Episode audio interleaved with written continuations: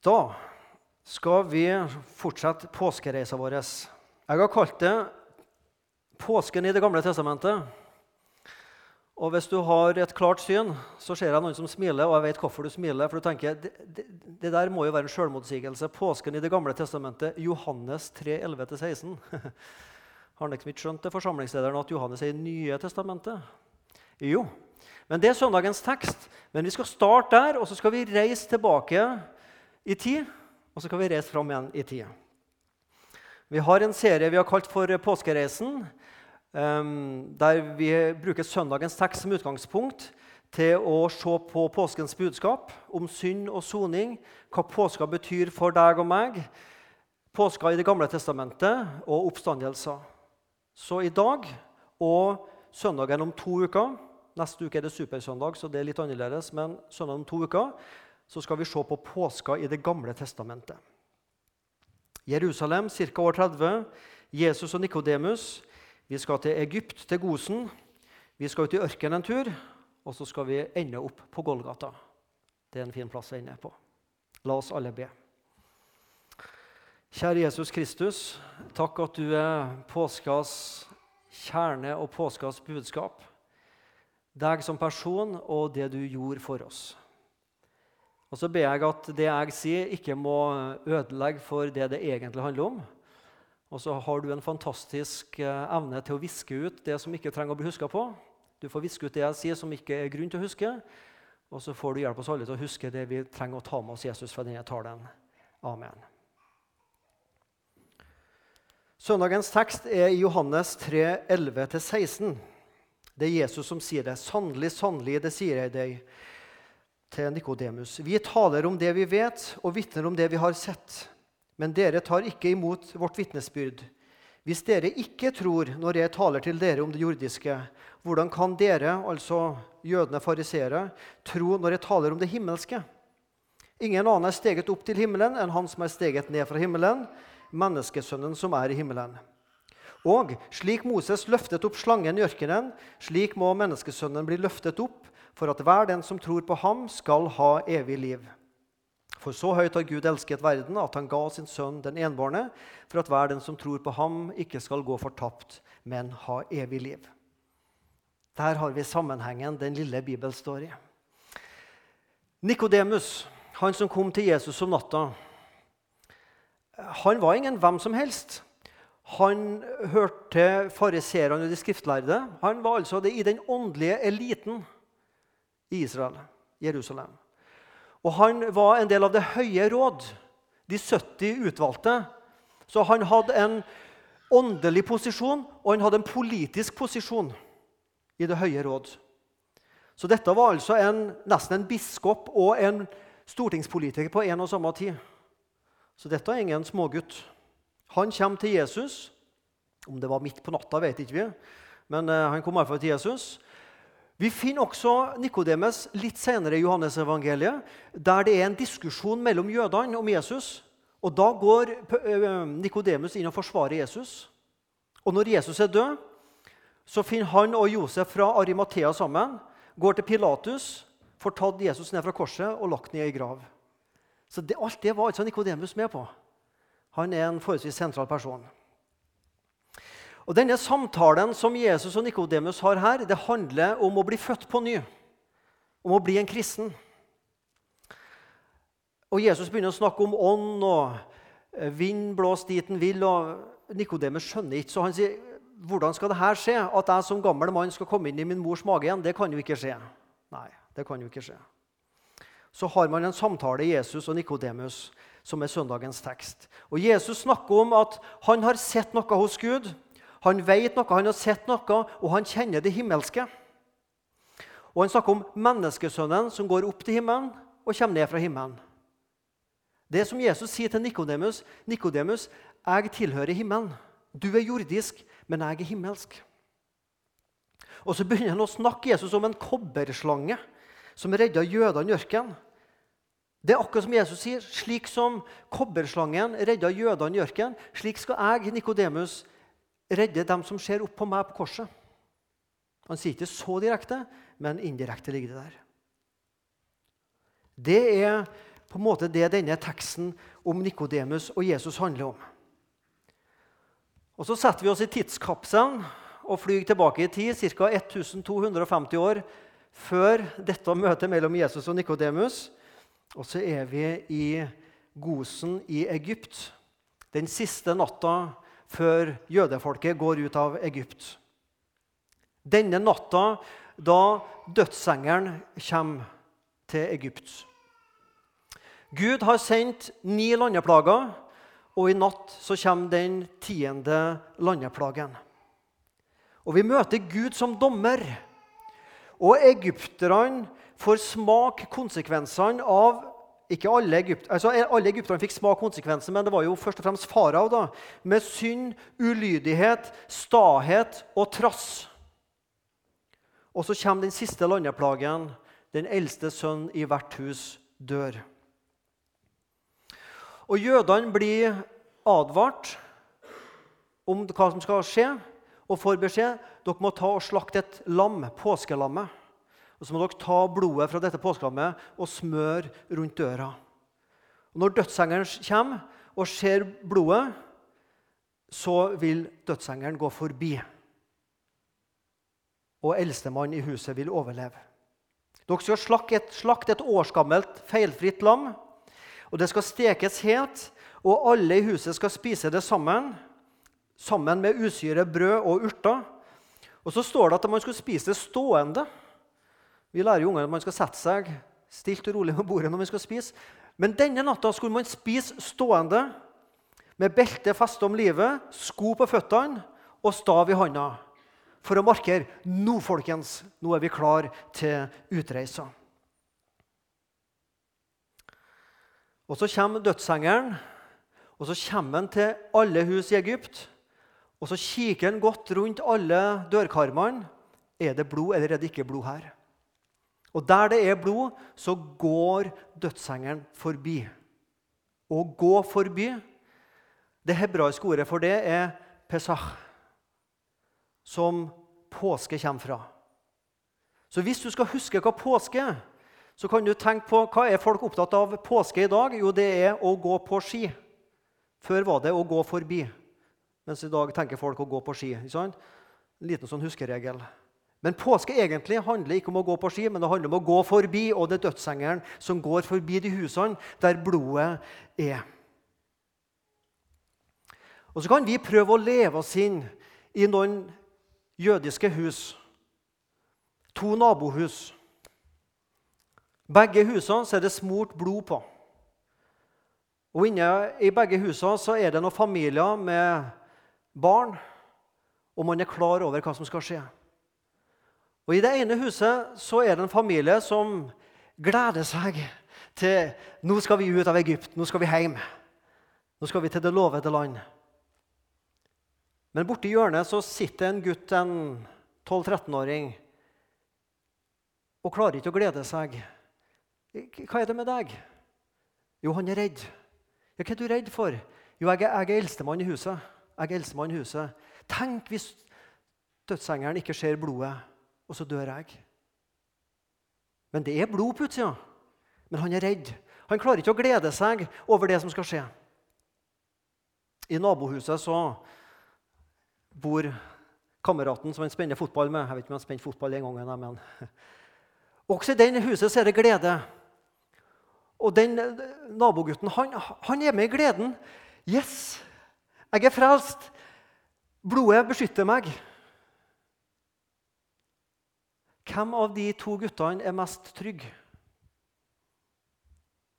Hvem av de to guttene er mest trygg? Han som er redd, eller han som er glad?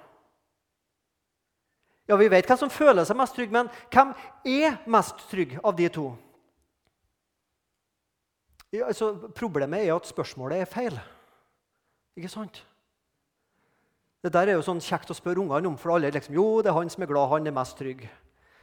Sånn kan du bruke på søndagsskole. Men eller kanskje vi også går på den, at vi tror at det er den som følte seg mest trygg, som var mest trygg. Nei. Begge to var like trygge, uansett hva de følte. Og det er et veldig viktig poeng. Det er ikke hva vi føler, som avgjør om vi er trygge. Det er ikke om vi kjenner gleden boble på innsida. Det er veldig flott. Det er flott som Andreas hadde ei hånd opp med et halvt halleluja og et helt halleluja. og Vi kjenner liksom 'Å, jeg er glad, jeg er kristen'. Men om vi ikke kjenner det alltid, så er vi like trygge så lenge vi er omgitt av Jesu blod. Det er forskjell på å føle og å vite. Det er ikke hvor mye vi føler oss kristne, som det handler om, men vi skal vite at vi er frelst, at blodet renser oss. Begge var like trygge. Og så går åra for jødene. Og så inni det lovede land med tabernaklet og etter hvert med tempelet under kong Salomo, så starter disse ofringene. Ja, det starta allerede i ørkenen. De daglige, ukentlige, månedlige ofrene. Om igjen og om igjen og om igjen. Og en gang i året så bærer ypperstepresten sonofferet inn i det aller helligste for folkets synder. Og så er det man tilgitt og Så starter man på dagen etterpå, og så synder man neste året. og Så samler det seg opp, og så er det et nytt offer året etterpå. på samme datoen. Og så fortsetter det sånn år etter år etter år. Soneofferet én gang i året det er datostempel på det offeret der. Det gjelder bare ett år om gangen. Jesus Kristus har ingen datostempel. Jesu Kristi offer, det er for alltid. For en skapnings liv er i blodet, og jeg har gitt dere blodet på alteret til soning for livet deres. Blodet soner fordi livet er i det. 3. Mosebok 1711. Så ble denne ordninga med ofringa ordna for jødefolket. Dere skal ofre for synda. Men det var ikke hjelp i blodet uten videre. Det måtte komme på alteret. Da var det soning i det. Da gjaldt det for Gud. Blod uten alter er bare blod. Men blod på alteret, det hadde makt til å tilgi og sone. Og Så går jødefolket ut av Egypt, og vi, vi, kjenner den historien. Jeg trenger ikke å bruke tid på den. Den er rimelig kjent for oss. Og Så kommer han ut i ørkenen, og så kommer vi dit som Jesus snakker om til Nikodemus. Like som Moses løftet opp kobberslangen i ørkenen, slik skal menneskesønnen løftes opp. Og Da har vi kommet til fjerde Mosebok, kapittel 21, vers 4-9, som er en av sidetekstene i dag, og vi skal lese de versene der.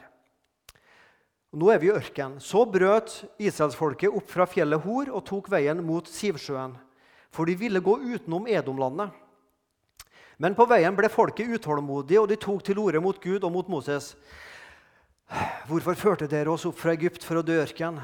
Her er det verken brød eller vann, og vi er inderlig lei av denne elendige maten. Da sendte Herren serafslanger inn blant folket. De bet israelittene, og mange av dem døde. Folket kom til Moses og sa, 'Vi har syndet da vi tok til orde mot Herren og mot deg.' 'Be Herren at han må ta slangen bort fra oss.' Og Moses ba for folket. Da sa Herren til ham, 'Lag deg en serafslange og sett den på en stang.' Alle som blir bitt, skal se opp på den. Da skal de leve. Moses laget en kobberslange og satte den opp på stangen. Og når noen ble bitt av en slange og så på kobberslangen, så fikk han leve. Påske å gå forbi. Og så går folket ut av slavehuset Egypt, går over Sivsjøen og så går de rundt i ørkenen i 40 år. Det tar ikke 40 år å gå fra Egypt opp til Israel. Jeg har aldri gått den distansen, kommer sikkert ikke til å gå den heller, men jeg tror ikke det tar mer enn noen dager. Men pga. folkets ulydighet og synd og trass og mange ting så måtte de traske og gå i denne ørkenen i 40 år. Og så skjer den episoden som vi leser om her. Om vi nå er to uker ute i vandringa, to måneder eller to år, det vet ikke jeg. Det kan man sikkert regne seg ut til, men det, det har ikke jeg gjort. Men vi er iallfall ute i ørkenen etter ei stund, og så skjer dette. Og så er folket blitt utålmodig. De murrer, og de sutrer, og de er sur. Og de anklager Gud og Moses. Åh, det var ille å være slaver i Egypt, men der hadde vi mat, og vi hadde vann, og vi hadde hus. Det var faktisk bedre, det, Moses, enn å være fri ute i ørkenen. Ikke mat. Eller vi har mat, men den er vi inderlig lei av. Vann har vi nesten ikke, og sola steiker hele tida. Og vi bor kun i noe telt. Og det er like kjedelig overalt, for det er bare ørken overalt. Det er bedre å være slaver i Egypt enn fri ute i ørkenen. Moses, ta oss tilbake. Hva var det som har skjedd med israelsfolket? Og hva er det som kan skje med oss? Jo, de hadde glemt Guds velgjerninger, Guds frelsesgjerninger. Jeg er så glad i Salme 103. Min sjel, min sjel, lov Herren, og glem ikke alle hans velgjerninger.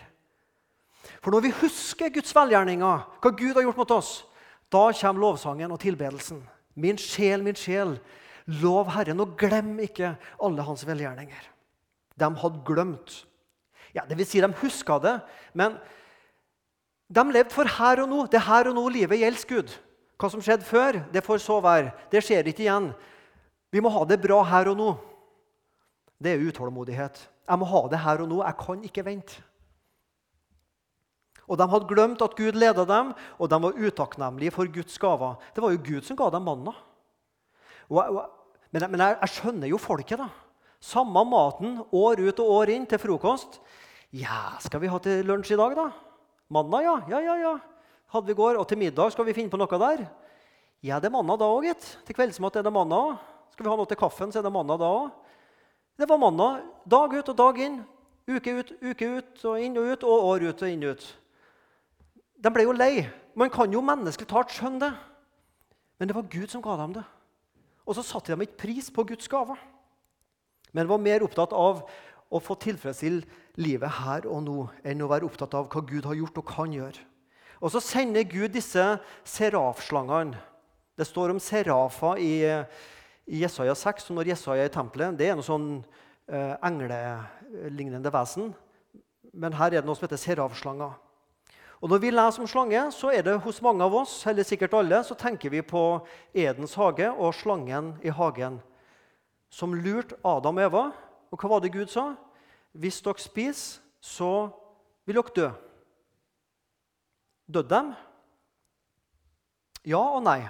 Nei, de døde ikke fysisk. Men vi kan dø fysisk. Men det døde de ikke. Men de døde åndelig. Vi kan dø på tre måter. Vi kan dø fysisk. Det skal alle gjøre. Vi kan dø åndelig. Alle er vi åndelig døde i utgangspunktet før vi møtte Kristus. Fysisk død, åndelig død, og så er det en død som er verre. Det er den evige død. Det å gå inn i evigheten uten Jesus. De var bitt av slangen. Og så får Moses denne beskjeden om å sette opp en kobberslange. Folket synder, og så blir man straffa. Og så ydmyker man seg og ber om hjelp. Og så får man en frelser eller noe som skal hjelpe dem og blir tilgitt. Og så går åra, og så er det på'n igjen og synde og straff og bønn om hjelp og frelse. Les dommerboka. Akkurat samme regler. Folket glemte Gud, synda, ble straffa, ba om hjelp og fikk hjelp. Og så var det om igjen og om igjen og om igjen. Du verden, hva liker vi oss sjøl som mennesker? Vi glemmer Guds hjelp. Og vi blir sjølsikre og utakknemlige. Det ligger i mitt og ditt DNA og gen, om vi vil det eller ikke. Og både glem Guds hjelp, være sjølsikker og utakknemlig. Synde, den er ikke noe ny. Og så var redningen å se. Noe så enkelt som å se. Det var ikke nok, altså Man trang ikke å tro på det engang. Det var nok å være nysgjerrig. Så lenge du var nysgjerrig og lurte på hva var det, det som hang på den stanga der, så ble du frisk. Men jeg er helt sikker på at det var noen som tenkte dette er så dumt. Har du hørt noe så dumt? At en kobberslange skal få vekk gifta av kroppen min? Og så gidda de ikke engang å se opp på kobberslangen. Merker du litt av det her når Paulus snakker om til korinterne? Korset, Guds dårskap for dem som går fortapt. For jøder og for grekere. Det er jo idioti, noe så dumt. Og så tro på et kors et torturredskap der de verste forbryterne hang. Idioti. Men det er korsets budskap som frelser oss. Men det er en forskjell. Alle som så på kobberslangen, ble friske. Men ikke alle som ser Jesus, blir friske eller blir tilgitt. Det var mange som sto rundt korset, som ikke ble kristne. De så Jesus på korset, men de ble ikke kristne for det. For Bibelen snakker om tro.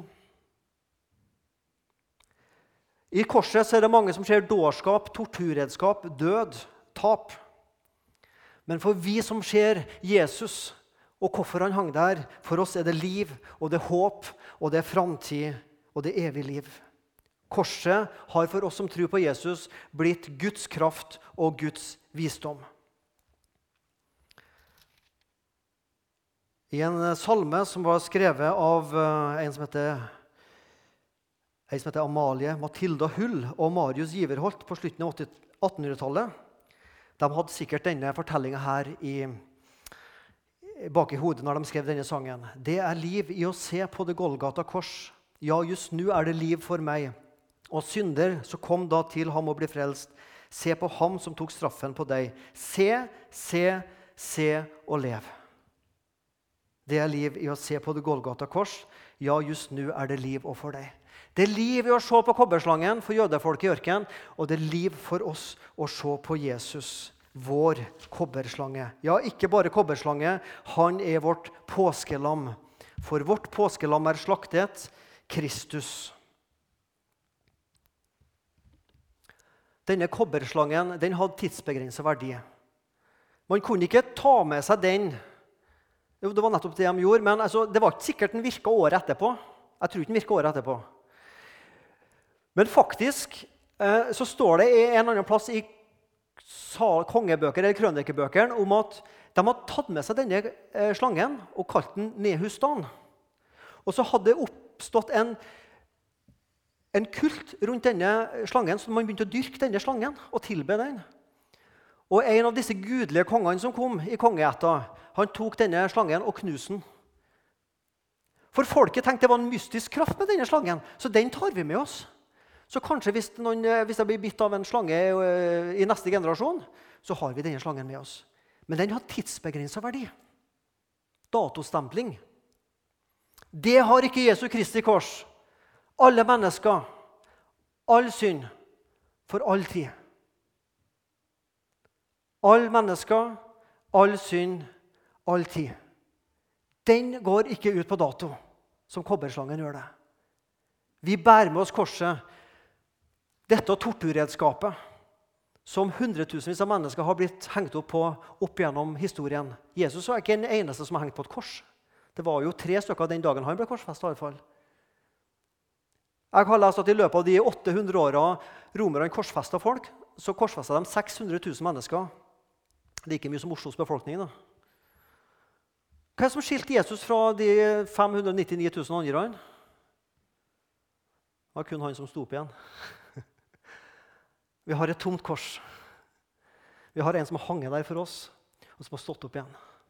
Det har ikke de andre. For så høyt har Gud elsket verden. Det kan vi oversette på mange måter. En måte er for på denne måten elsket Gud verden at han ga sin eneste sønn. Men i dag så vil jeg sette et strek under ordet 'høyt'. For så høyt har Gud elsket verden. Han har elska høyt på et kors. Frelsen ligger i å se opp. Jeg er nok ikke den eneste her som fulgte med på ski-VM. Og I dag skal jeg ikke snakke om trøndere og ski-VM, selv om jeg er veldig frista til det. Men jeg så på tremila til damene. Da var det hun Marit, eh, nei, ikke Marit Johaug, Johaug. Therese Johaug. Hun leda. Og så fulgte vi med henne ut i løypa.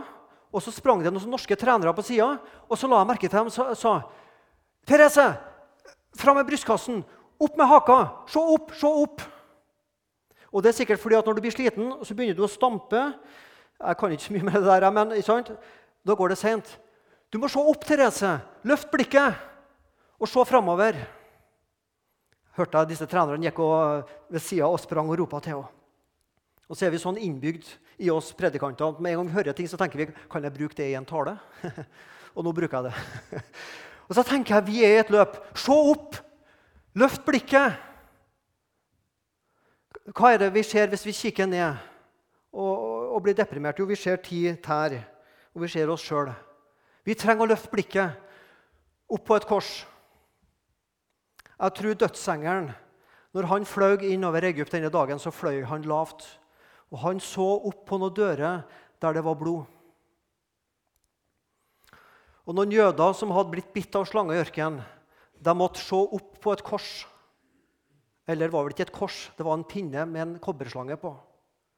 Og du og jeg vi må løfte våre blikk, løfte blikket bort fra deg sjøl og se opp på Jesus. Der er frelsa. Dagens mennesker som i større eller mindre grad er tynga av skyld og av skam. Løft blikket.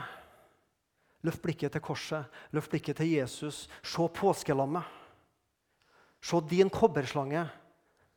Han ble gjort til synd for oss for at vi i han skal bli rettferdige. Det er den siste sideteksten i dagens tekstrekke fra 2. Korinterbrev. Han ble gjort til synd for oss for at vi i han skal bli rettferdige. Påske handler om blod. Ei blodig påske. Men det er et blod som når det kom på alteret Golgata, har makt til å frelse syndere som deg og meg. Herre Jesus, tilgi meg at jeg så ofte kikker på meg sjøl. Blir så opptatt av meg og mitt og her og nå og hva jeg får til, og hva jeg ikke får til. Herre Jesus, minn meg og minn oss alle om å løfte blikket, se på deg i det løpet som ligger foran oss, sånn at vi kommer i mål, at vi kommer hjem til deg, Jesus. Takk for du ble slakta for våre synder, og takk for den påska som starta i Egypt for ja, 3500 år siden. Vi har vårt påskelam, og det er deg, Jesus. Deg vil vi elske, og deg vil vi tilbe. Deg vil vi løfte opp, du som ble løfta opp på et kors. Og deg vil vi samles om her i misjonssalen. Amen.